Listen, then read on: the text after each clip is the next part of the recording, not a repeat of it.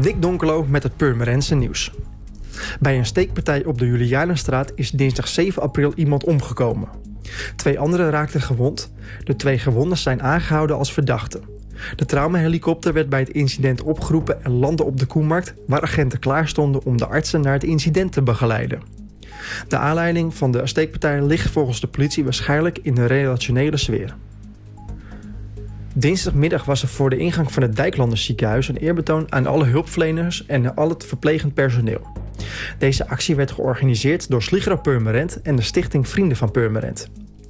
Musicalster Jurko van Veenendaal zong de medewerkers toe en er werd een tasje met paasproducten uitgedeeld.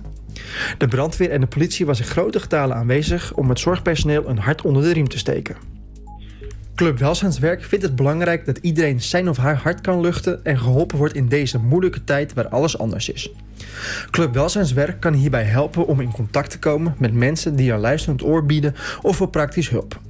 Via telefoonnummer 0299 480 630 kom je in contact met Club Welzijnswerk en is bereikbaar van maandag tot en met vrijdag van 9 uur s ochtends tot 4 uur s middags. De dienstverlening zal vooral plaatsvinden via telefoon en de e-mail. Op woensdag 8 april organiseren de Stadspartij, Present Purmerend en Flowers bij Jennifer een gezamenlijke actie om verzorgingshuizen, de Rusthoeven, de Viervorst en Novaweren in de bloemen te zetten. 125 bossen tulpen worden opgehaald en verdeeld onder de verzorgingstehuizen. De actie is bedacht door de Stadspartij die een mooi bedrag beschikbaar stelt.